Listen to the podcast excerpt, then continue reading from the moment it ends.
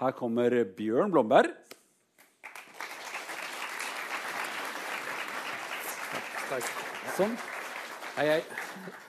Ja, dette, nå, nå, dette er veldig interesserte folk. Men det er jo veldig vanskelig det vi skal snakke om. Vi må, nå har jeg sagt litt hvor eh, immunapparatet befinner seg, blant annet. Så må vi si hva det driver med. Kan du lage en sånn fin kategorisering, sånn at vi kan liksom begynne et sted? Eh, ja, vi, eh, Det går an til å se det ganske enkelt. Der eh, Hovedoppgaven til immunsystemet er rett og slett å beskytte kroppen mot eh, alle mulige inntrengere eh, fra utsiden. Eh, bakterier, virus og andre ting som kan være farlige for kroppen. Så det er et forsvarssystem, sånn som det heter i navnet? Ja. Mm, det er rett og slett folk som oppdager inntrengere eller Og det kan vi jo lage masse bilder på, folk som trenger seg inn. Men dette er virus og bakterier som trenger seg inn. Det er én del av det immunforsvaret holder på med.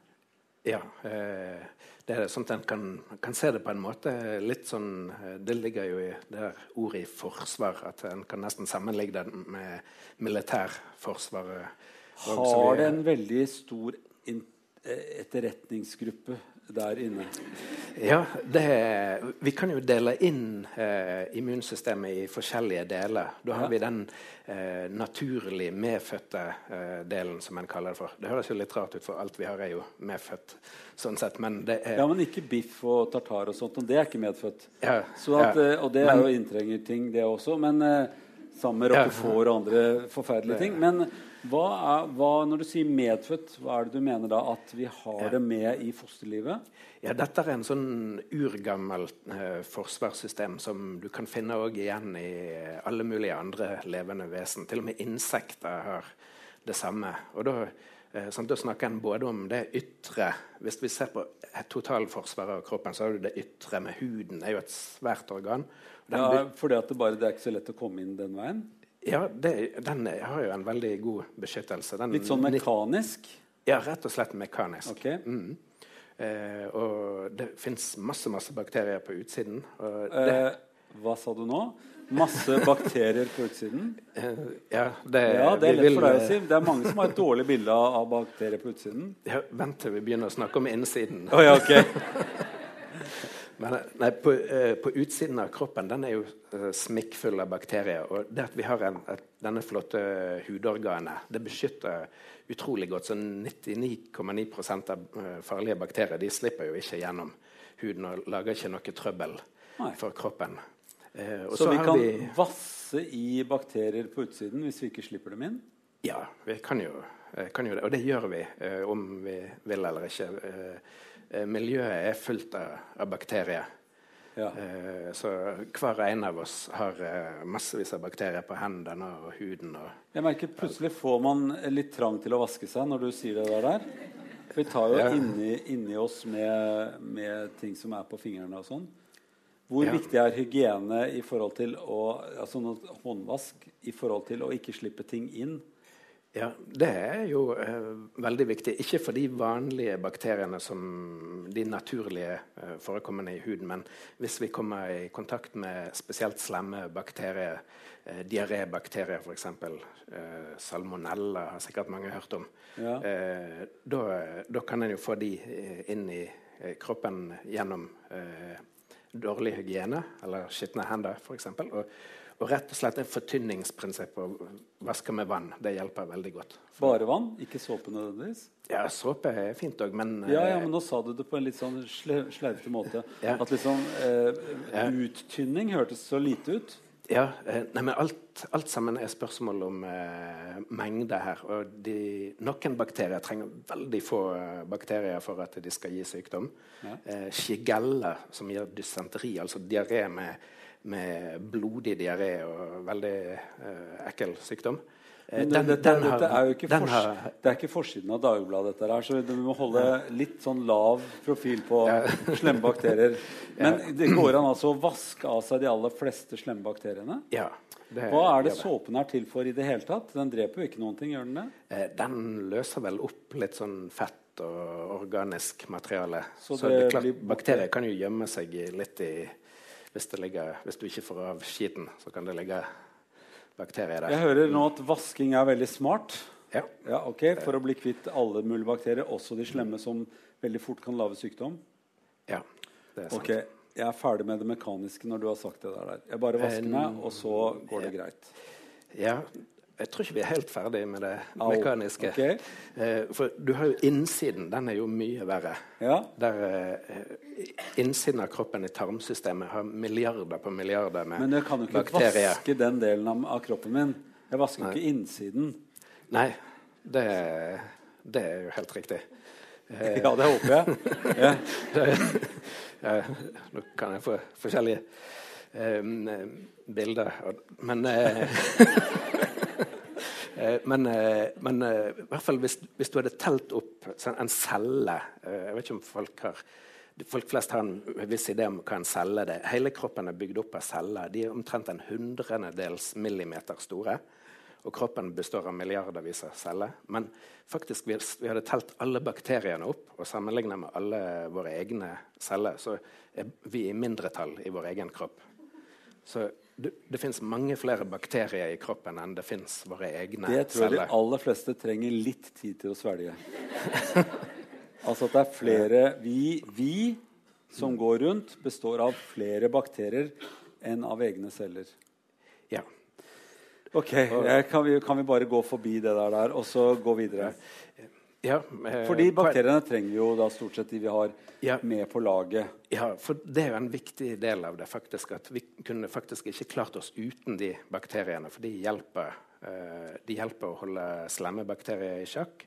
Og de hjelper til og med å fordøye maten, sånn at blir, vi tar opp alle næringsstoffene eh, som vi, vi, trenger.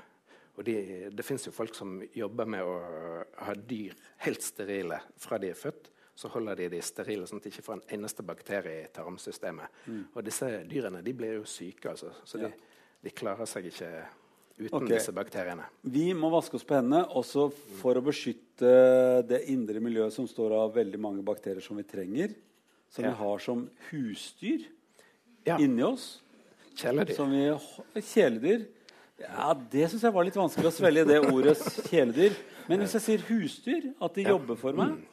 Ja. Det, og da har jeg de kaller vi snille bakterier. De mm. jobber for å, at jeg skal fordøye maten og bruke de næringsstoffene jeg får i meg. Ja. Ok. Mm, og, Ennå er jeg ikke infisert, på en måte. Ennå, ja, alt er bare bra. Nei, så lenge du har de vanlige snille bakteriene i huden og innvendig, så går det veldig greit. Det som kan være problemet, er når en får slemme bakterier som kan gi sykdom, om det er diaré eller andre typer infeksjoner. Og og det, det, er jo andre sånn mekaniske ting òg. F.eks. magesyre. Hvis en har sure oppstøt, så kan en tenke at det er litt plagsom ting. Mm. Men, eh, men, magesyren er faktisk veldig viktig til å ta knekken på slemme sånn diaréfremkallende bakterier. Mm. Så hvis du gulper, så skal du være glad? Da, det, da virker ting. Ok, da virker det. Det er bra. Eh, eh, fremdeles så er, det, er immunforsvaret ikke aktivert i den samtalen vi har nå. Det er bare ja. den mekaniske delen av det. Du sa ja. det var noe medfødt. Ja, og så i tillegg til det så har vi altså innvendig eh, Det er jo litt spørsmål om du var inne på det i introduksjonen, hvor immunsystemet er. Og det er jo egentlig hele kroppen. For du har i tillegg til lymfeknuter og brisselen og beinmargen og, og dette, så er eh, immunceller eh, og immunstoffer rundt i, i hele kroppen. Og, det, og, der har vi dette eh, medfødte naturlige systemet som, eh, som har De har bl.a. noe som en kaller for naturlige drepeceller. Mm. De høres jo ganske skummelt ut, men det, det, er veldig mange av de som flyter rundt i kroppen, og de er programmert til å, å, å kjenne igjen fremmede ting. Og, og bare, da kan de svelge de og uskadeliggjøre disse. Og der, der, de har mange sånne følere kan du si. De, eh, og det, dette er ting som er, er veldig sånn konservert, eh, som sagt tilbake til, til eh, insekter og andre primitive dyr, at en har mange eh, sånn basale eh, forsvarsmekanismer der. og Uh, med sånn uh, følere som gjør at en kan kjenne igjen at dette kjennes ut som overflaten på en kolibakterie, f.eks. Og så kan systemet angriper det. Så der, der, har vi altså nat allerede før kroppen er blitt kjent med en kolibakterie, så har vi et system som kjenner igjen disse som vi har fått gjennom utvikling i Ok, Litt oppsummering igjen. Eh, ja. Vi rykker litt tilbake. Du sier at eh, det er en del av immunforsvaret er overalt i kroppen vår. Ja. Mellom alle cellene i alt det som er igjen mellom alle, de andre, alle cellene. holdt jeg på å si. Og, de, og der er det noen immunapparatceller som kjenner litt på overflaten til alle celler. Og ja. finner ut om de hører hjemme her eller ikke. Ja, sånn kan altså, som, ja, som går og kjenner på det og sier mm. OK, du er en av oss, du er en av oss, du er en av oss. Og så oppdager man noe som ikke er helt ordentlig. Du ja. er ikke en av oss. Og da setter de i gang et system som gjør at Og der døde du. Ja. ja. Ja og det... da bruker vi resten av det du er, til mm. å lage noe annet. Ja.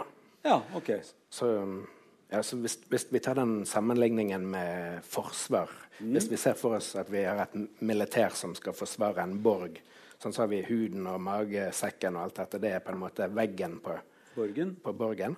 Mm. Og så har vi det medfødte systemet. Det er menige soldater, kan du si. Som de ser noe som ser ut som uh, en fiende, og så tar de sleggen og knekker Knek, Knekker til dem. Ja. Men kan uh, uh, Nå kommer jeg selvfølgelig til et vanskelig spørsmål med en gang. Eh, tar de feil noen ganger? Og knerter en av sine egne? Eh, ja. ja. Det, okay. det, så det er ikke helt, er ikke helt pottetett system? Nei. nei okay. det, det, er en del av utfordringen med, med, hele immunsystemet. Ja, Med hele oss, kanskje? Ja. ja. Vi, Og vi... Eh, militæret.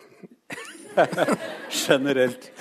Ok, men, men, det er medfødt, det indre systemet der. Ja. At noen mm. går og eller at, man, at, vi, at jeg har noen som jeg har sendt ut til å kjenne på alle de andre cellene mine, og si at ok, det er fint at dere er her. Hei, hei. Og der er du. Ja, det er bra. Og sånn, og gå rundt, og så kjenner de etter. Og du er så gammel og grå og funker ikke noe særlig bra. Jeg tror vi tar og knerter deg nå. Gjør de det? Ja, det, det gjør de jo litt òg. Ja. Og da, da, er vi jo inne på dette kanskje med, med kreft eh. Men kan vi ta Ok, vi skal snakke om kreft. Vi tar og plasserer det litt bak i køen. Ja. For jeg må få vite litt mer om bakterier og virus. Altså de virkelige ja. inntrengerne. Slemme bakterier og virus kommer inn. Hva gjør kroppen da? Eh, ja, for da, som sagt så har vi da disse, dette medfødte systemet som, som, allerede på forhånd er programmert til å ta hånd om dem. Ja. Eh, men i tillegg så har vi et sånn opplært eh, system Eh, eh, altså, en, vi har en slags skole for immunsystemet. Ja, De går I, på immunskolen? rett og slett? Immunskolen, ja. ja. Og, da, ja. og har vi, vi har faktisk ikke bare det, men vi har eh, grunnskole. Okay. Immungrunnskole. Hvor, hvor, hvor, hvor, i kroppen snakker du om hvor grunnskolen? Hvor ligger den hen? Eh, ja, der var du inne på det i sted. Den ligger bl.a. i Brissel. Brissel, ok. Ja. Det er, barne, er barneskolen som er helt full når vi er barn, og ikke går der lenger bare noen etterslengere når vi blir voksne? Ja, ja, ja okay. riktig. For da er de andre opplært? Ja. Og, og Hvor blir de plassert ut den? I hvilke bedrifter? Hvor, hvor, i kroppen blir de plassert ut? Ja, Da uh, har de jo et system med utplassering uh, til uh, lymfeknuter rundt omkring i kroppen. Ah, og, ja. Så brisselen er opplæringsstedet og mm. utplassert i lymfeknuter? Ja, ah. det, det, kan vi si. Interessant. Og, Eh, ja, det er veldig interessant. Eh, du har egentlig to sånne barneskoler. Da. Det ja. ene er Brisselen. Ja. Um, jeg kom på her at jeg faktisk aldri smakt brissel. Har du ikke det? Det smaker litt, litt, litt sånn altså Menneskebrissel ville jeg jo ikke smakt på. Men eh, det, sånn brissel fra kalv smaker litt fett og egentlig litt sånn eh, Det er ikke så fryktelig godt, altså. Jeg har spist geitetarmer og gresshopper og jur fra ku, ja. men ikke brissel. Nei, det er jo helt andre smaker. Ja. eh, hvis f.eks. jur, da ville jeg heller gått på brissel. Ja. Litt strekt brissel istedenfor de der utrolig tyggale jurene. Altså, de er ikke spesielt gode, syns jeg, da. Ja. Men uh, dette skal vi snakke mye om en helt annen gang, Bjørn. Uh, uh, eh, la oss gå tilbake igjen til til utplassering av opplærte ja. Mm. immunceller. Ja, så Når det gjelder immunsystemet, så har du, eh, du har to eh, avdelinger. Da. Det, er en, det, på en måte hæren og Flyforsvaret, kan du si. Kan vi holde oss til brisselgutta som blir Ja.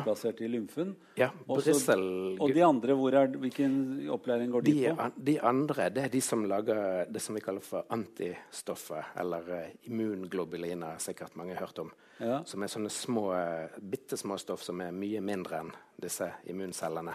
Ok. Og de, eh, hvis vi går, drar den veldig langt, denne militærsammenligningen, så er det omtrent som de laserstyrte rakettene til amerikanerne.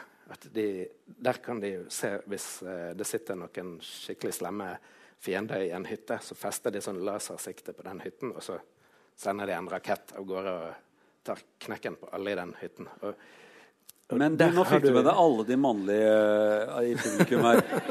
Men eh, alle damene vil gjerne vite hvor dette er. skjønner du? Hvor, Ja. hvor er det det er en i kroppen? Ja, det er i beinmargen. I beinmargen. Ja, sånn at det er egentlig Alle, alle, alle immunforsvars mor. Ja. Okay. Så det, det er jo der de immuncellene kommer fra opprinnelig. Og det, sant, det er i brystbein og i andre sånne store knokler i kroppen. Da kan vi jo ta med de andre svære knoklene. Hvor er det henne, f.eks.? Ja, vi har jo hoftekammen, og vi har uh, lårbein og Ja. Ja, egentlig Der, der hvor du vil finne marg hvis du lager mat også. Ikke sant? Ja. Ja. Nå eh, Og jeg bare hoppet litt til der, side. der, der. er- der er det en, den margen på Hvis du spiser ryggen på oksen, f.eks., da er jo margen egentlig ryggstrengen som er Men det var, der vil jo ikke disse damene som lager benmarg, de vil jo ikke gå til ryggmargen. De vil jo gå til lårbenet og sånne ting. Der, og, Ja, der og sutte litt grann fra. Ja. Ja, ja, eh, eh, vi, nå har vi fått med oss damene også, det håper jeg. Og de som er glad i å lage mat av mennene, som ikke er så glad i laser. Men eh, tilbake igjen til eh, benmargen. Der har vi altså opplæringssystemet for de cellene som skal lage antistoffer. Ja, det er riktig. Okay, Og hvor er det de er til vanlig når de er utplassert, når de er ferdig med opplæringen sin? Eh, ja, da reiser de ut i kroppen, og de kan sitte i lymfeknuter og Så de er litt overalt? Ja. Ok. Eh, da står det igjen hva milten er til i immunforsvaret. Ja, ja, milten er vel på en måte som en stor lymfeknute som har veldig mye immunsystem, eh, immunceller. Eh, men vi ser for oss milten som et slags filter som renser ut eh, slagstoffer eh, rusk og rask fra blodsirkulasjonen. Det kan vi se f.eks. med malaria. Det er en parasitt som infiserer røde blodceller. Og, når en har malaria, så blir, blir en veldig stor andel av de røde blodcellene eh, syk av malariaen. Da. Og da må de tas ut. Eh, og, det kan en se på malariapasienter. Da eh, eh, vokser milten og blir stor. Så de får gjerne en stor milt. Kan man se det på folk, at de har en stor milt? Eh, ja, eller kjenne. Du må kjenne på magen. Ja, du må, fordi Man kan ikke si 'Åh, du har en svær milt'. Det er ikke sånn man oppdager det, liksom. Du kan ikke se det på folk sånn sett. Nei, det er vanskelig. Kanskje hvis du har en kjempestor milt og er veldig tynn. Ja. Så jeg tror det er vanskelig å se min milt her. Ok, Men, men, men milten er altså et slags silsystem for å ta ut Ja. eh, eh, Men er det også sånn at da, da sier liksom miltene «Øh, du, du er helt feil i form, og du ser veldig dårlig ut. Jeg tror de plukker deg ut av systemet, og pff, der var du helt ute av systemet. Ja da. Altså spist opp og Ja, det, Brukt på eh, nytt. Det, det, ja, akkurat det du sa, det er en slags sånn resirkulasjon. Det er veldig miljøvennlig organ. Det er skjønt at du sier at kroppen er miljøvennlig. Hva er ikke miljøvennlig hvis ikke kroppen er det? Det kommer fra miljøet, gjør det ikke det? Og skal tilbake igjen dit og er et slags resirkuleringssystem. ja. Men f.eks. jern fra blod blir Ja. resirkulert Ja. når, når det blir brutt ned der. Ok. Jern blir til nye komponenter. Nå drikker jeg litt, for det trenger man alltid å gjøre. Vann, altså. Ja, vi, vi,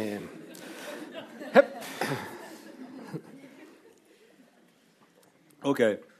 Nå har vi uh, to slags immunapparatsystemer. Et som går direkte på cellene, kjenner etter på overflaten og oppdager bakterier og sånt noe. Også et annet som, uh, som lager uh, immunstoffer, antistoffer. Ja, Jeg skal har, si det eh, riktig. Vi ja. bruker samme ord. Antistoffer. Ja, så Og hva er de antistoffene til? Ja, De antistoffene det er, de er bitte små stoffer som eh, kan feste seg på eh, bakterier eller eh, ting som kroppen ikke vil ha. Det kjenner igjen eh, bakterier først og fremst. Og så eh, vil det da tiltrekke andre deler av immunsystemet som, eh, som da tar seg av å fjerne den bakterien. Ok, Så Skal det- jeg oversette det- litt? Det er, det, er, det er noen som drar rundt og setter et flagg på noen steder, Ja, og så er det noen andre akkurat. som ser det flagget og angriper det, Ja. og spiser opp hele det der der òg. ja. Men disse her drepecellene, som du sier, eh, er, er det bare det de holder på med? Å spise opp eh, all, merkede celler og andre celler? Ja, så Drepecellene det er jo de som kommer fra brisselen, eller de går på opplæring i brisselen. Eh, og de, de har på samme måte sånne følere som kan kjenne igjen eh, fremmede stoffer. Men de er litt mer avansert på den måten at de kjenner igjen forandringer i en celle som skyldes at det er noe galt inni den cellen. F.eks. virus. Et virus det vil eh, være inni en celle som regel. Og da vil det lage forandringer på utsiden av den, den menneskecellen, som blir kjent igjen da. Ok, Bakterier de er annerledes på overflaten. Ja, de ser jo veldig forskjellige ut fra menneskeceller. Ok, Så de oppdager man med en gang. Ja. Hei, hei, jeg så deg. Jeg bør ikke telle til ti engang. Og, og bare tar de. Ja. Men virus de er litt snedige, for de er så veldig små ja. i denne sammenhengen, Bittesmå. og går inn i cellene og gjør at cellen blir syk. Så da må man altså oppdage den cellen som har virus inni seg. Og så, den settes flagg på, kommer eh, Eller det får ikke flagg på seg engang. den bare er, Man kjenner på overflaten at den er noe gærent med. Ja, og så eh, settes det i gang en reaksjon der, eh, der en får skade den cellen. Så da ofrer vi den syke cellen. Eh, den må ofres eh, for å bli kvitt viruset. Så for å drepe bakterier så kan man bare drepe selve bakterien. Men for å drepe virus så må man drepe en av sine egne celler som er infisert. Ja. Ok. okay. Så når du har virusinfeksjon, som jeg sikkert har nå, så er det noen som drar rundt og dreper de cellene som er infisert. Og så har jeg da fryktelig mye færre celler i morgen. Ja, men eh, en, har, eh, en har mye å gå på av Ja, takk. også. Eh, det er lett for deg å si, men eh, det er ikke alle som har så mye å gå på. Er det det?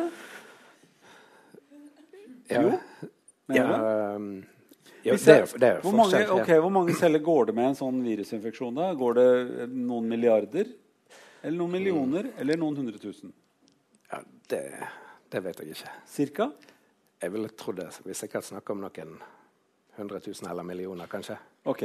Men det Og tar det, det tar nesten ikke noe tid å lage like mange nye? Eh, ja, da kroppen produserer nye celler, da. Bare setter i gang. Ja. Lag en til av litt disse. an på eh, hva slags del av kroppen. Sant? Og med infeksjon også, så kommer det jo an på hvor, hvor langt det går. Hvis det, vi snakker om en veldig alvorlig infeksjon, så vil jo den kunne skade kroppen så mye at den eh, eventuelt dør uten at den får bygd seg opp igjen. Ok. Så det er sånn man dør hvis man dør av infeksjoner? At det tas så mye celler og så mye funksjon blir borte at man dør? Ja, det var nok kanskje en, en liten eh, forenkling. Tror okay. jeg. Men det er veldig mange, Ja. mange ting som kan spille inn. Ja. Men uh, siden du har åpnet for at man skal snakke om dette her, hvor, uh, hva er det som skjer når man dør av en infeksjon? Uh, ja, det, det er jo veldig mange ulike forklaringer eh, der eh, eh, Hvis vi snakker om en, eh, eh, en eh, f.eks. en blodforgiftning, som er en bakterieinfeksjon i blodet, der bakteriene bare formerer seg eh, vilt i blodet, da, da er det jo en kombinasjon av at immunresponsen, eller immunforsvaret, virker veldig kraftig og gjør at en får lekkasje av væske ut i, i, fra blodbanen. og eh, En kan få blødninger osv. Og, og, og da, vil eh, kroppen ikke klare å opprettholde blodtrykket. Og det vil da gjøre at litt etter litt så svikter forskjellige organer. Nyrene for eksempel, de er avhengig av å ha en god blodstrøm-gjennomstrømning. Men hvis du har en eh, løpsk bakterieinfeksjon i blodet, så, så, klarer ikke kroppen å opprettholde nok eh, blodtrykk. Så, så, det er litt sånn dominoeffekt at det kollapser ja. mer og mer ting? Ok, ja. Sånn døde folk i gamle dager, da? Eh, ja, og det gjør de jo fremdeles. Ja, Men ikke så mye her, kanskje? Um, det, folk dør av infeksjoner fremdeles, men det er klart vi har jo antibiotika som, ja. som uh, gjør at vi kan ta livet av veldig mange bakterier før de kommer for langt. Men, ja, okay. men det er fremdeles en viktig dødsårsak med lungebetennelser og blodforgiftninger. Mm. Egentlig infeksjoner som har veldig høy dødelighet, på linje med hjerteinfarkt, hvis vi snakker om blodbane. Ja. Uh, for blodbaneinfeksjoner. Så eh, infeksjoner, det er eh, hovedfokus på for, eh, for immunapparatet vårt. Liksom. Det, ja. det, er infeksjoner av virus eller bakterier. Mm. Og ta knekken på det. Og der har de flere systemer som virker. Ja. Men, men, skal, ja? ja men det, det, som er utfordringen for immunsystemet, det er jo hvordan skal de eh, skille mellom disse fiendene som er bakterier og virus, det kan jo òg være andre ting som kreftceller som òg er fiender. Men i hvert fall ting vi ikke vil ha. Det må immunsystemet kjenne igjen. Men så har vi alle de andre cellene i kroppen eh, som immunsystemet ikke må eh, begynne å starte noe krig mot. Ok, dette blir, det blir en, Nå begynner det å bli, bli, bli eh, vanskelig. Vi, du har sagt kreft to ganger. Vi setter det også på venteliste. Men eh, nå sier du at eh, immunforsvaret kan også bland, altså rote litt til og, og, og, og, kanskje tenke at dette her er det egentlig celler som skal være der, eller er det ikke det? Og så begynne mm. å gå litt bananas? Ja. Drepe ting som vi trenger, som er oss selv?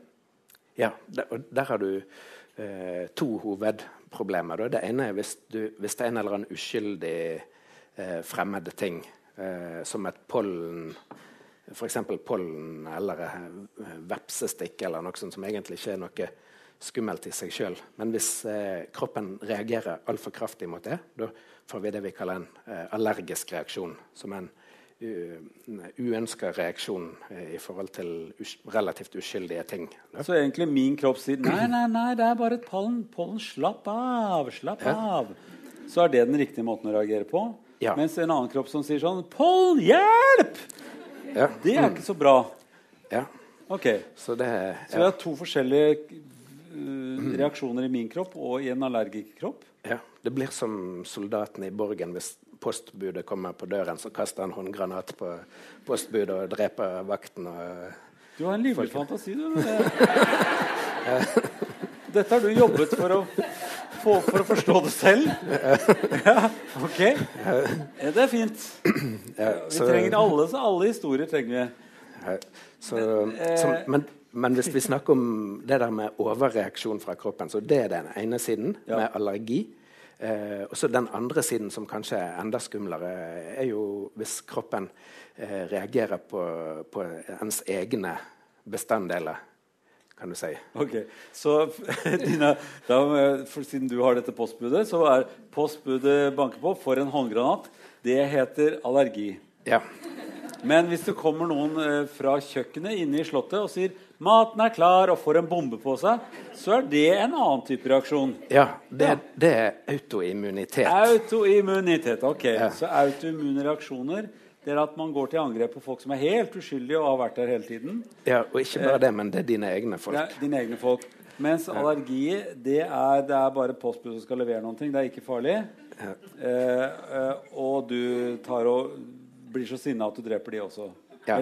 Og så er det ikke noen å drepe, for det er postbud er dratt allerede. Og det er mer brevet du går på, da. Ja. ja okay. uh... Så du blir så sinna av brevet at du eh, overreagerer, og alle blir redde. Ja. Ok, Dette var en lang historie om uh, allergi i forhold til uh, autoimmun reaksjon. Uh, jeg tror det var noen som fikk med seg det. Vi nå, har vi nå passert en del av fortellingen og kommet videre til kreften? Eller er, har du mer å si om disse forrige tingene? Ja, kan vi ta kreft nå? Ja, det, okay. det kan vi vel gjerne. Ja, ok. Da begynner vi på den vanskelige kreften. Kreft eh, er altså celler som det er gått litt bananas for på en eller annen måte, Ja. og som har begynt å dele seg altfor fort, og som egentlig ikke er sånn som vi vil at cellene skal være i kroppen. Ja, det, De har oppnådd det som mange eh, streber etter, men som de kanskje ikke egentlig vil ha, nemlig evig liv. De har ingen kreftceller, ingen grenser. De kan bare vokse og vokse i det uendelige. Respekterer ikke eh, naboene, vokser utover naboer og kan til og med eh, stimulere eh, kroppen til å lure kroppen til å lage blod, ny blodforsyning og forskjellig for å kunne ekspandere. Men Så de dette, dette er jo ikke noe systemer vi liker. Nei. Det, Det er det, vi kaller land vi ikke liker å sammenligne oss med. Er det ikke det alle politikere sier? I land vi ikke liker å sammenligne oss med. Så dette er en diktaturgalskap Ja. Mm. inni kroppen. ja, det er det. Ok, du sier sånn. Ja, ja, det er det. Eh, så du er veldig glad for at jeg, at jeg kom med sånne rare bilder til deg? Ok. Vi, er, vi har fått et, et, gal, et galskapssystem inni oss. Og det har vi også immunapparatet til å ta knekken på hvis de får tak i det tidlig. Ja. Hvis de sier 'Jeg vil ha evig liv', kom igjen, alle som vil ha evig liv, eh, og vi har blodforsyning og alt mulig eh, Så kommer disse følecellene og sier 'hei, hei, hei', hei, hei, og så tar du og knerter deg før du blir for mange. Ja. Mm. Så det det, det er sånn en, en tenker på det. Der er det delvis er det at kreftceller de begynner å, å sette ut eh, i overflaten av cellen, så får de forandringer som, eh, som immunsystemet kjenner igjen. At dette, Kjenner igjen? At dette, dette Er virker ikke Dette er galskap. Ja, Dette er noe som ikke er normalt. Og delvis er det òg faktisk det motsatte. At, at uh, ting i overflaten uh, av cellene som vanligvis skal signalisere at hei, vi er en del av kroppen, de, okay, de så hvis det, forsvinner. på alle mine celler står eh, 'Dette er Trond-Viggos celler', dette er Trond-Viggos celler, så kommer han til et celle hvor det står 'Dette er Tvergruggenes celler'. Ja. Så det er skrevet til helt feil. ja. Og da vil du vite at det der, der er en eh, galning som begynner å bli enda galere snart. Vi må knerte han. ja. Ok, Så- du så, du så, det Jeg liker at du er glad i mine forklaringsmodeller. Jeg liker Helt ut i eventyrland, det jeg forklarer også.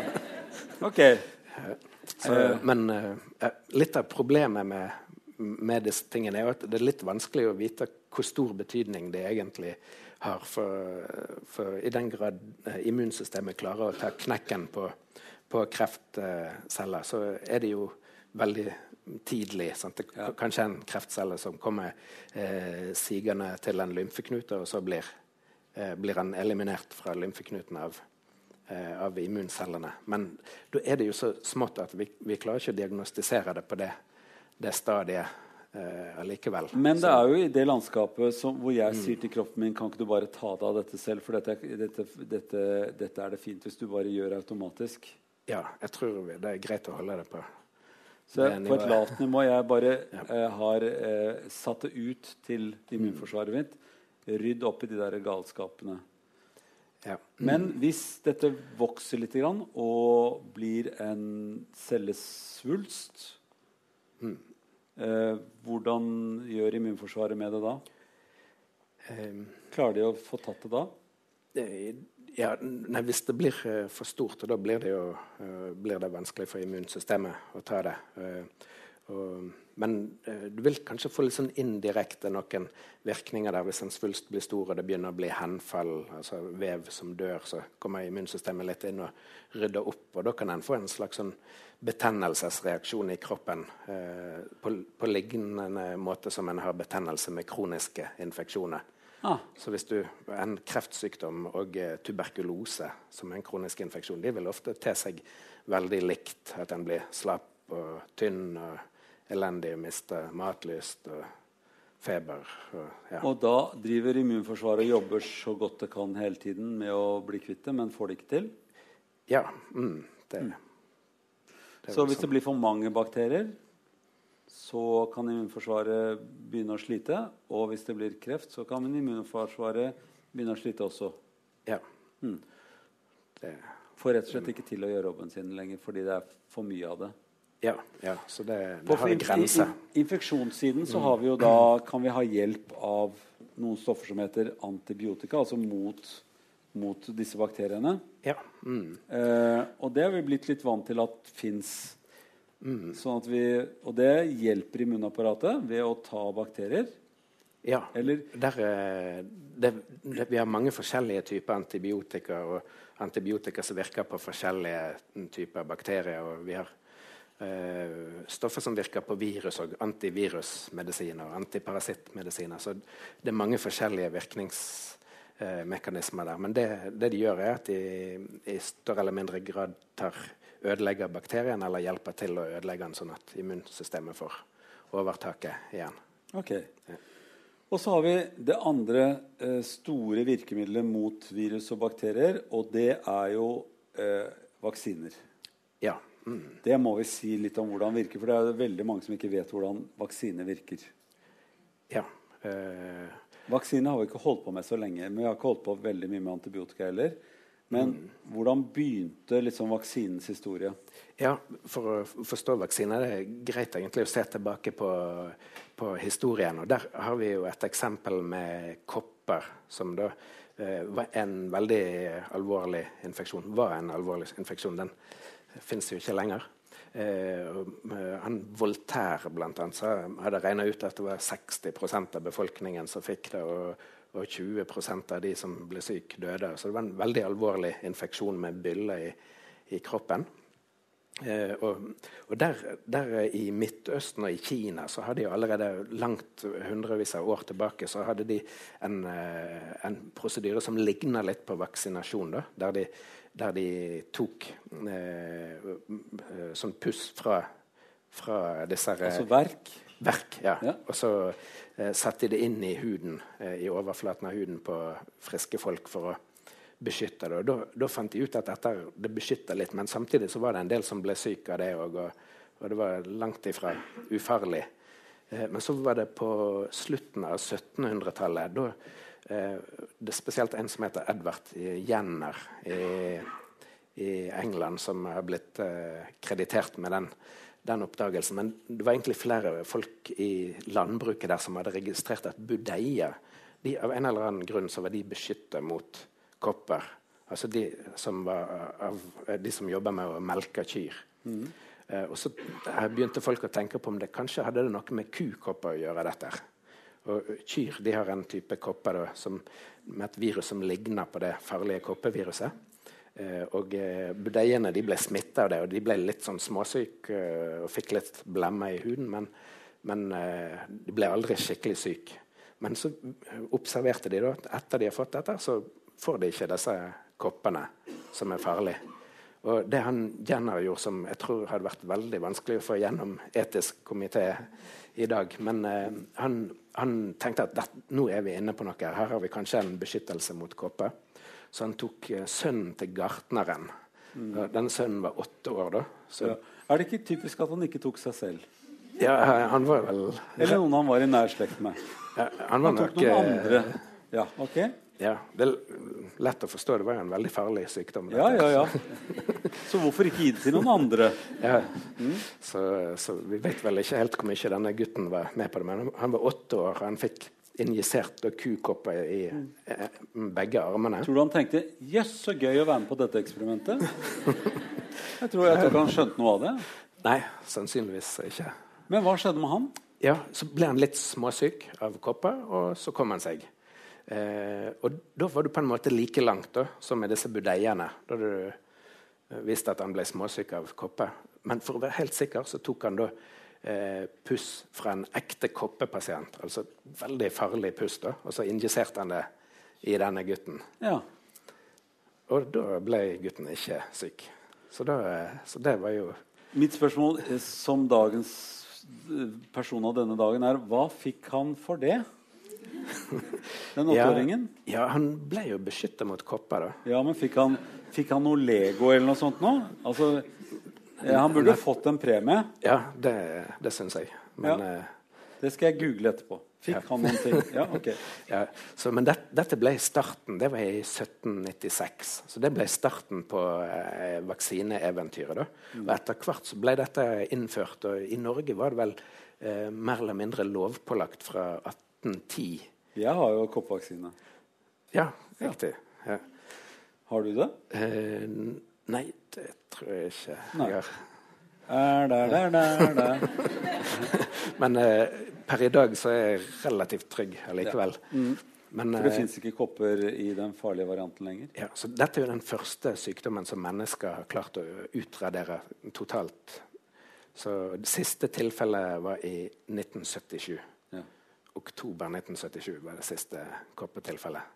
Så etter det så har vel viruset bare funnet seg i noen laboratorier i Russland og USA. Så, og alle håper at de ikke slipper det ut. ja, det er jo ikke nok å håpe på sånne ting. Men det er inni et laboratorium et eller annet sted, er det det? Ja, det Jeg merker at det er en film på gang som heter begynner sånn da, da, da, da, da, da. Laboratoriet med virus da, da, da, da. OK. Ja, så, men i hvert fall denne eh, kukoppeviruset, det, eh, det er jo der eh, Men det var han eh, franske Louis Pasteur som kom rundt samme tiden, som eh, fant ut at han skulle bruke det ordet ku. Det er jo vacca på eh, latin. Og eh, vaksinia, det er det eh, viruset Eller i den virusfamilien som ga kukopper. Så han, Pasteur fant ut at han skulle kalle dette med vaksinering for vaksinering, men det kommer fra kukoppe, Ja. det ordet. Eh, så, men han, eh, han gikk jo videre og eh, begynte å eksperimentere med kyllingkolera. Det var en, eh, så han var veldig opptatt med landbruk, og det var jo han som gjorde at vi fikk pasteurisering av eh, øl og vin. Og han var ansatt i bryggerinæringen i Frankrike. Men, eh, men han eh, jobber med kyllingkolera, da. Og så reiste han og eh, assistenten på ferie, og det var noen kolerabakterier som ble stående der over ferien. Så prøvde de å infisere eh, kyllinger med dette igjen eh, når de kom tilbake fra ferie. Men da så de at disse kyllingene de blir jo ikke syke. Og hvis de prøvde med friske eh, kyllingkolerabakterier, eh, så eh, ble de allikevel ikke syke. Så det han hadde funnet ut det, med dette, det var egentlig det som vi nå kaller for levende svekka vaksiner. Altså med å la eh, bakteriene kol, disse, De heter egentlig pastorelle nå, disse bakteriene. Men han, med å la de stå og godgjøre seg gjennom ferien, så mister de eh, evnene til å produsere sykdom. Men de beholdt evnen til å lage immunitet hos kyllingen. Så dette er én måte å vaksinere på som man gjorde Ja. mye før. Ja. Og som man gjør med noen bakterier nå. nå. Men så er det også man kan ta bare biter av en bakterie eller fetteren til en virus som man ikke blir så sjuk av. Og så kan man injisere sånne ting. Eller noen som er kunstig laget, som ligner på bakterier eller virus. Eh, Ja. og, det, og da reagerer kroppen som om det var noe som var kommet for å ta deg. Eh, ja. Så immunapparatet og disse som da er utplassert i Brisselen og andre steder, de reagerer og sier OK, den, den oppgaven skal jeg ta. ja. Mm, Og så ligger man der litt sånn latent og husker på den samme den der bakterien. Den skal jeg huske på. Så, så får man det i oppgave. En, en lett jobb. Ja, på én ja, bakterie. For, for det er sånn med, med immunforsvaret at for, første gangen kroppen får en infeksjon, så, så danner en en immunrespons med både antistoffer og, og eventuelt eh, disse cellene fra brisselen som kan hjelpe til. Men eh, hvis en da overlever den infeksjonen og blir konfrontert med samme mikroben seinere, så får en en mye kjappere respons og en mye mer effektiv respons. Ja. Så det, det er prinsippet med, med vaksinering. Og det er tror jeg sånn de fleste forstår ordet vaksinering. At det Ja. betyr at når jeg neste gang blir konfrontert med noe, så vil jeg reagere mye kjappere og mye fortere. Men allikevel så er det noen som er mot vaksinering Ja, øh, i debatten. ja det Fordi at de mener at kroppen har godt av å bli sjuk. Ja, der, der, og det er en lang historie. og Det begynte jo faktisk før han der med kukoppene. Mm -hmm. eh, det var ganske mye motstand mot den der å injisere ekte kopper. og Seinere fikk du BCG-vaksine mot tuberkulose. og der eh, Den har jeg også. Ja, den har jeg òg. Du har den òg, ja? Ok, ja, nå, da er vi like der. Nå hjelper den antagelig ikke så mye for voksne. Nei. Den hjelper veldig bra mot barnetuberkulose. Som er og det er veldig vondt hvis noen slår deg på, på BCG-vaksinen. Det er veldig vondt. Når du, når du, når du var nyvaksinert. Au, slo meg på BCG-vaksinen. Eh, ok, Men, Så vi har, vi har, vaksinering. Mye, vi som sitter her. Ja. Men, men, den tuberkulosevaksinen den, den, ga et skikkelig skudd for baugen for hele vaksineentusiasmen i Lübeck i 1929 og 1930. For da skulle de vaksinere 250 unge Eh, først og fremst hjelper den mot hjernehinnetuberkulose hos mm. eh, småbarn, som er en forferdelig sykdom. Eh, og veldig bra å immunisere disse små barna. Uh, men da hadde de dessverre fått inn i BCG-en så hadde de miksa litt vanlig tuberkulose òg. Så da var det vel 70 barn som døde av tuberkulose av de 250 som ble vaksinert. Så det var en forferdelig tragedie. Og og kanskje litt av grunnen til at f.eks. USA ikke har brukt tuberkulosevaksine. Og Det er mye motstand mot vaksine nå enkelte steder i verden fordi de tror at det er Vestens måte å, ja. å sterilisere menn på i den østlige delen av verden. Og Det er mye rare forestillinger om hva en vaksine er. Ja. Og det har vært noen sånne arbeidsfeil som har gjort at vaksine har mistet noe av den heroiske mm. statusen det hadde en stund. Ja. Mm. Men hva sier du, da? Eh, det, er alle de vaksinene du vet om, ting du kunne tatt? Ja, det, det er de, de, de, vanlige vaksinene som vi gir til folk. De er veldig trygge. Uh, det, det, som har vært en del kontroverser med, det er poliovaksine. Polio er en forferdelig slem sykdom der en får lammelser, og noen dør av pustestopp. Eh, og, men der er det noen, et par land igjen i verden, Nigeria, og Afghanistan og Pakistan, som, der det fremdeles er, eh, er poliotransmisjon. Og der er det mye konspirasjonsteori om at dette er noe Vesten har eh, satt ut for å gjøre folk eh, infertile. Mange, mange sånne motforestillinger eh, som nok ikke har noen som helst eh, rot i virkeligheten. Nå har det vel skjedd faktisk en del positivt akkurat siste årene med polio. Men meslinger det, det er jo òg en sykdom det er kanskje den farligste av barnesykdommene. Eh, en, før vaksine ble vanlig, regnet en med at kanskje 2,6 millioner barn døde hvert år av meslinger. Enten av sykdommen, men mest av lungebetennelse og, og andre komplikasjoner. Um, og der, uh, der har det vært en, en, del miljøer som da tenker at nei, uh, vi vil heller ha naturlig infeksjon. Det er bra for kroppen å gå gjennom litt infeksjoner. Og, så i enkelte miljø så har han hoppa over den vaksinen. Og nå har han de siste par månedene hatt et utbrudd som starta i Disneyland i USA mm. blant noen uvak uvaksinerte der. Men er det, er det, fordi at i USA er motstand mot vaksine, eller er det fordi at det koster noen ting, og at ikke alle får det? og sånne ting? Det kan være sikkert litt av det samme. Og det er ikke bare USA. Det har også skjedd flere steder i Europa, både i Storbritannia og i eh, Sentral-Europa, at en får eh, utbrudd blant dårlig vaksinerte folk. Men det, det som, hvis, du, hvis, du, har en populasjon, da, altså en gruppe mennesker, mm. hvor, hvor, det er tilbud om vaksine Hvor mange må være vaksinert av hele den befolkningen for å holde en kommende infeksjon i sjakk. Ja. Og Der er svaret forskjellig etter hva infeksjon det er. Men når det gjelder meslinger, da ser det ut som det magiske tallet er rundt 80 For det er en fryktelig smittsom sykdom. En uvaksinert befolkning vil ett tilfelle eh, smitte i gjennomsnitt kanskje 15-20 andre tilfeller. Så det sprer seg som ild i tørt gress. Eh, men hvis en har mer enn 80-85% kanskje dekning i befolkningen, Eh, da beskytter vaksinen ikke bare de som er vaksinert, men hele flokken. Så men hvis, hvis, jeg er, er i et, et, sted hvor de fleste uh, tar vaksinen, og jeg har et barn som jeg sier at Nei, jeg syns ikke vedkommende Altså mitt barn behøver å ta den vaksinen. Så går det vanligvis greit, da, fordi det ikke kommer noen meslinger. Ja, hvis, Men hvis du er hvis du er én eller det er to barn, men hvis det plutselig blir mange barn som følger samme trend, da er vi i trøbbel. Og da kan du få utbrudd, og, og som sagt så er det en dødelig sykdom. Så det er litt sånn uh, usolidarisk å ikke ta meslingvaksine, f.eks. Ja, det, jeg syns det er usolidarisk. eh, Og, men eh, det som er en del av det, det er jo noen som ikke kan ta det. For dette er en sånn levende svekka vaksine. Så hvis du har en alvorlig immunsvikt, for eksempel, så kan du bli syk av vaksinen. Ja, men det er jo disse som skal få lov å slippe vaksinering, da. Ja. Ikke de andre som gjør det fordi at de er medlem av en eller annen gruppe eller uh, har sittet hjemme og tenkt mye rart for seg selv. Ja, ja. Så, ja, det, Nå sa jeg det veldig rundt.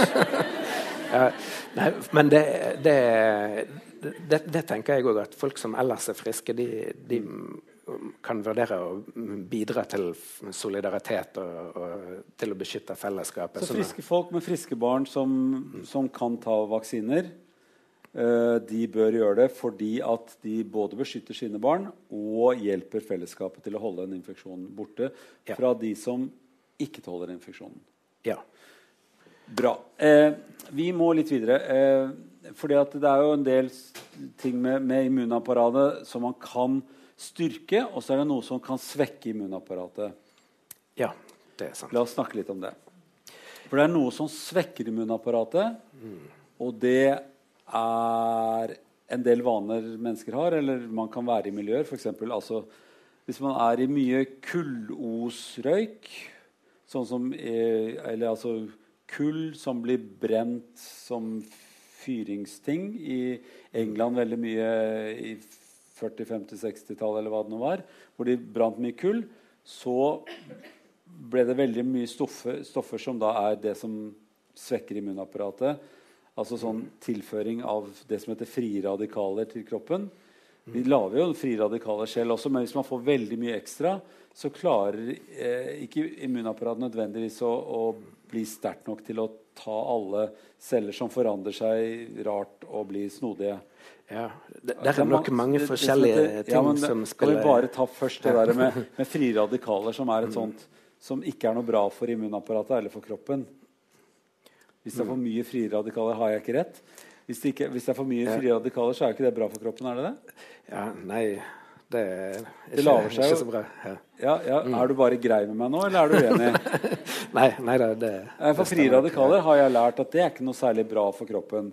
Det Mm. bør man ikke ha altfor mye av. Det skjer jo når vi puster og, og, og, og driver med øh, trening og alt mulig, så blir jo allikevel frie radikaler en del av den produksjonen i kroppen. Men hvis du får veldig mye utenifra, f.eks. Øh, fra kullos, fra, fra røyking, mm.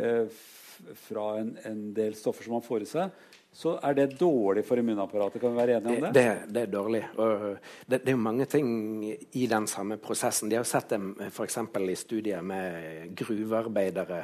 Ja. Eh, der er det jo samme problemet. Du får skade Du får rett og slett en litt sånn mekanisk skade på lunger og, og slimhinner som gjør at du er mer mottagelig for bakterier. Men så i tillegg har du andre ting som folk som er nede i gruver, de er mye mer utsatt for tuberkulosesmitte, f.eks. Så de får Men Bjørn, nå er du, du, er, du er langt av gårde i forhold til det jeg har tenkt å snakke om. For at jeg, ingen av oss er så mye i gruver. Sånn at vi, vi holder oss her oppe.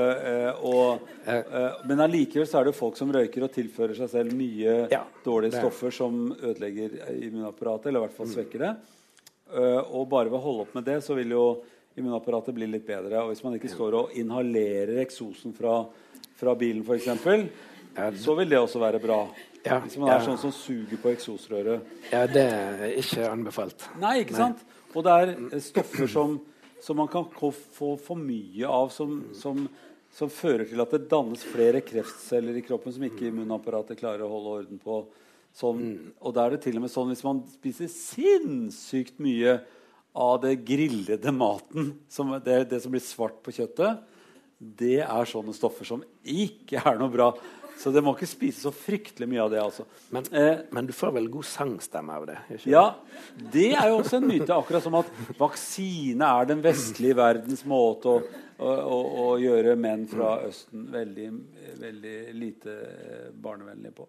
Eh, så det er, vi må ta bort Men- det som er tull. Men, men, så, eh, så nå, nå får du ikke lov å si noe. Jeg skal si én setning til. Og det er at det fins jo den, den, de gode stoffene, altså antioksidanter, som alle snakker om, eh, eh, som finnes mange steder. Og det er jo en hel liste som man kan eh, finne sjøl. Mye av det er i grønne grønnsaker, mye av det er i, i en del vitaminer og, og noen grunnstoffer, selen og sånne ting. Eh, og det kan man spise av så mye at man blir dårlig av det også. Så, men noe av det trenger man virkelig. Ja, Ja, hvordan, hvordan er denne balansen Nå kan du få lov å begynne å snakke. Hvordan er denne balansen mellom, mellom frie radikaler og, og, og antioksidanter? Eh, vær så god. Ja, eh, nei, du, du har, eh, det er veldig mange sånne både vitaminer og, og sporstoffer sånn, som har vist seg å ha betydning for immunsystemet. Du har bl.a. vitamin A, eh, som finnes i gulrøtter, og du har C-vitaminer. Det kjenner jo nesten alle til at det er viktig for immunsystemet. De, de fins i veldig stor mm, grad i immunceller. og eh, og en har sett at det er et stort forbruk av C-vitaminer i immunapparatet når det er en infeksjon på gang. Og du har eh, E-vitaminer og B, eh, både 6, B6 og folat og forskjellige stoffer som virker inn.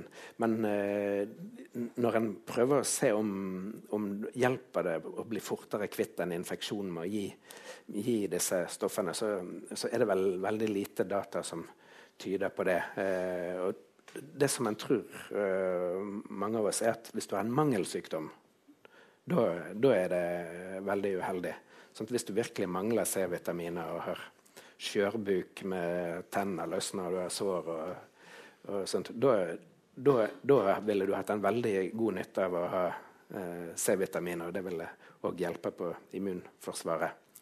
Men eh, for folk som ellers spiser fornuftig med grønnsaker og kjøtt og fisk og forskjellige eh, sunne ingredienser, så, så, vil de fleste ha alle de stoffene de trenger. Så, og ikke, egentlig ikke trenger å ta noe sånn tilskudd av noe art når de blir syke.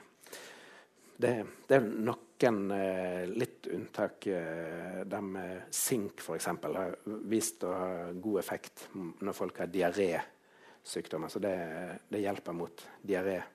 Det, det, er jo bl.a. nå i denne ebolaepidemien i Vest-Afrika så bruker en sink som en del av behandlingen for å stoppe, mm. eller for å motvirke diareen der. Og det har en sett òg i, i barnediaré at det, det, hjelper.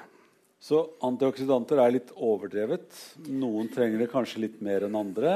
Eh, og tilføre det ekstra i forhold til et sunt kosthold. Men uh, det er kanskje litt uh, oversolgt på nettet, f.eks.? Ja, ja, det er etter min mening vil det være det. Ja, ok. Ja. Da kan vi, melder jeg meg på den lista di, jeg også. Eh, vi, så det, det, er vel med akkurat ja, ja. Med C-vitaminer så er det noen Hvis det er studier som har vist hvis det er veldig kaldt og du er forkjøla, så kan det kanskje hjelpe litt. Men alt, alt i alt så er det veldig Det kan jo hjelpe litt også å være under dyna av og til. ikke sant? Så, ja. så det, er, det, er, mange til som hjelper. Jeg, jeg, jeg, vil ikke at vi skal gå for langt ned den veien der, for da, da, har vi liksom alle diskusjonene som det er så, tar så lang tid å, å, å gå inn i og ut av. Jeg har lyst til å på tampen å spørre deg Jeg vet jo at du er en av de som er, er leder for uh, kampen mot ebola ved å, å, å, drive på et sykehus i Afrika, bl.a. Mm. Eh, men det jeg skal spørre deg om, er noe som veldig mange lurer på. Hva, hva, er, hva er det feteste innen forskning om immunapparatet? Hva vil du si? Det er det ypperste. Det er dette vi nå snart kommer til å se dukke opp i horisonten her. Ja, Ja, Det er utrolig mange ting. Det som er spennende med Ikke si veldig mange ting, for vi har ikke så lang tid igjen. Ta noen av de ja, fineste tingene. For, men det som er et paradoks når det gjelder infeksjonssykdommer, det er at det er egentlig mange av de veldig lite hotte tingene og veldig usexy forskning som, som er utrolig viktige. Og de tingene som Semmelweis reiv seg i håret av og ble deprimert og endte på psykiatrisk eh, sykehus fordi ingen ville høre på dette med håndvasking. At det hjelper mot Så du er tilbake til håndvasken? Men det er et svært problem i dag og i, rundt i verden, spesielt i tredje verden. Og, og spredning av multiresistente bakterier pga. misbruk av antibiotika. Og, uh, det får spre seg uh, pga. Men det må du si noe om. For at, uh, det der med at de ikke vasker seg i Afrika, det er det vanskelig for oss å leve oss så veldig inn i. Vi kan vaske oss godt nok her. Uh, og så bør vi ikke ta det problemet at de ikke vasker seg på fingrene. Nei, Det Men er et stort problem her, over hele verden. Jo, ja, og, og, alle må vaske seg på fingrene. Vær så snill! Uh, men, uh, men, det der med Nå sa du veldig sånn resistens og bakterier veldig fort. Og det synes jeg det er jo et sånt overklasseproblem holdt jeg på å si, og, som vestlig verden driver med. At de tar altfor mye antibiotika. Ja, og det, det trodde vi òg når vi starta forskning på det i, i Afrika. Men eh, det som det viser seg at hvis du er fattig, hvis du har lite penger Se for deg at du er en mor, du har et sykt barn med feber, og så har du ti kroner. Så hva skal du bruke de ti kronene på? Skal du betale doktoren, eller går du rett på apoteket? Alle fornuftige folk går jo rett på apoteket. Så bruker du ti kroner, og så får du ut eh, kanskje litt malariamedisin eller noe antibiotika. Eh, snakker du til meg nå, eller snakker du til de i Afrika? Eh, jeg snakker til alle, tror jeg. Alle? Malariamedisin er jeg ikke noe interessert i det hele tatt. Jeg får det ikke for ti kroner, og jeg vil heller gå til en lege. Ja, ja, Men det er fordi du har eh, råd til å gå ja, til en lege? Si, du, I den vestlige bor... verden. Jeg sier ja. snakk til meg som bor i den vestlige verden. Eh, jeg går veldig fort og og til lege som gir meg antibiotika. Som ja. jeg kanskje ikke trenger. Ja, Vi har et problem fremdeles her, men sannheten er at Norge er blant de mest restriktive landene i verden. når det gjelder det. Så det er veldig vanskelig å få ut antibiotika. Uh, mens i andre i fattige land der har du en kombinasjon av at de har veldig dårlig diagnostikk og Det er en av de tingene jeg syns er mest spennende nå i fremtiden. Det er å forbedre diagnostikken, sånn at eh, fattige folk kan få en riktig diagnose. Og Hvis du ikke aner om det er blodforgiftning eller eh, influensa eller malaria eller til og med ebola har akkurat samme symptomene Hvis du ikke vet hva det er, så, eh, så er det veldig vanskelig å gi en god behandling. Mm. Så det jeg syns er, er kjempespennende og blir mer og mer aktuelt, det er forskning i grenselandet der en kan bruke uh, veldig avanserte genteknologiske metoder. Og, og virkelig finne ut uh, hva er det som gjør bakterier resistente. Og, og se, lage familietre over hvordan bakterier sprer seg osv. Og så uh, sammenholde det med de gode, gamle prinsippene med å bedre hygiene og, og ha en mer restriktiv og fornuftig antibiotikapolitikk. Så der, der, tror jeg det er veldig mye ugjort. og det kan bli for, viktig i fremtiden. Jeg leste nå i avisen i dag til og med at det står liksom hvis du får en sykdom, infeksjon, i Spania, så kom deg hjem.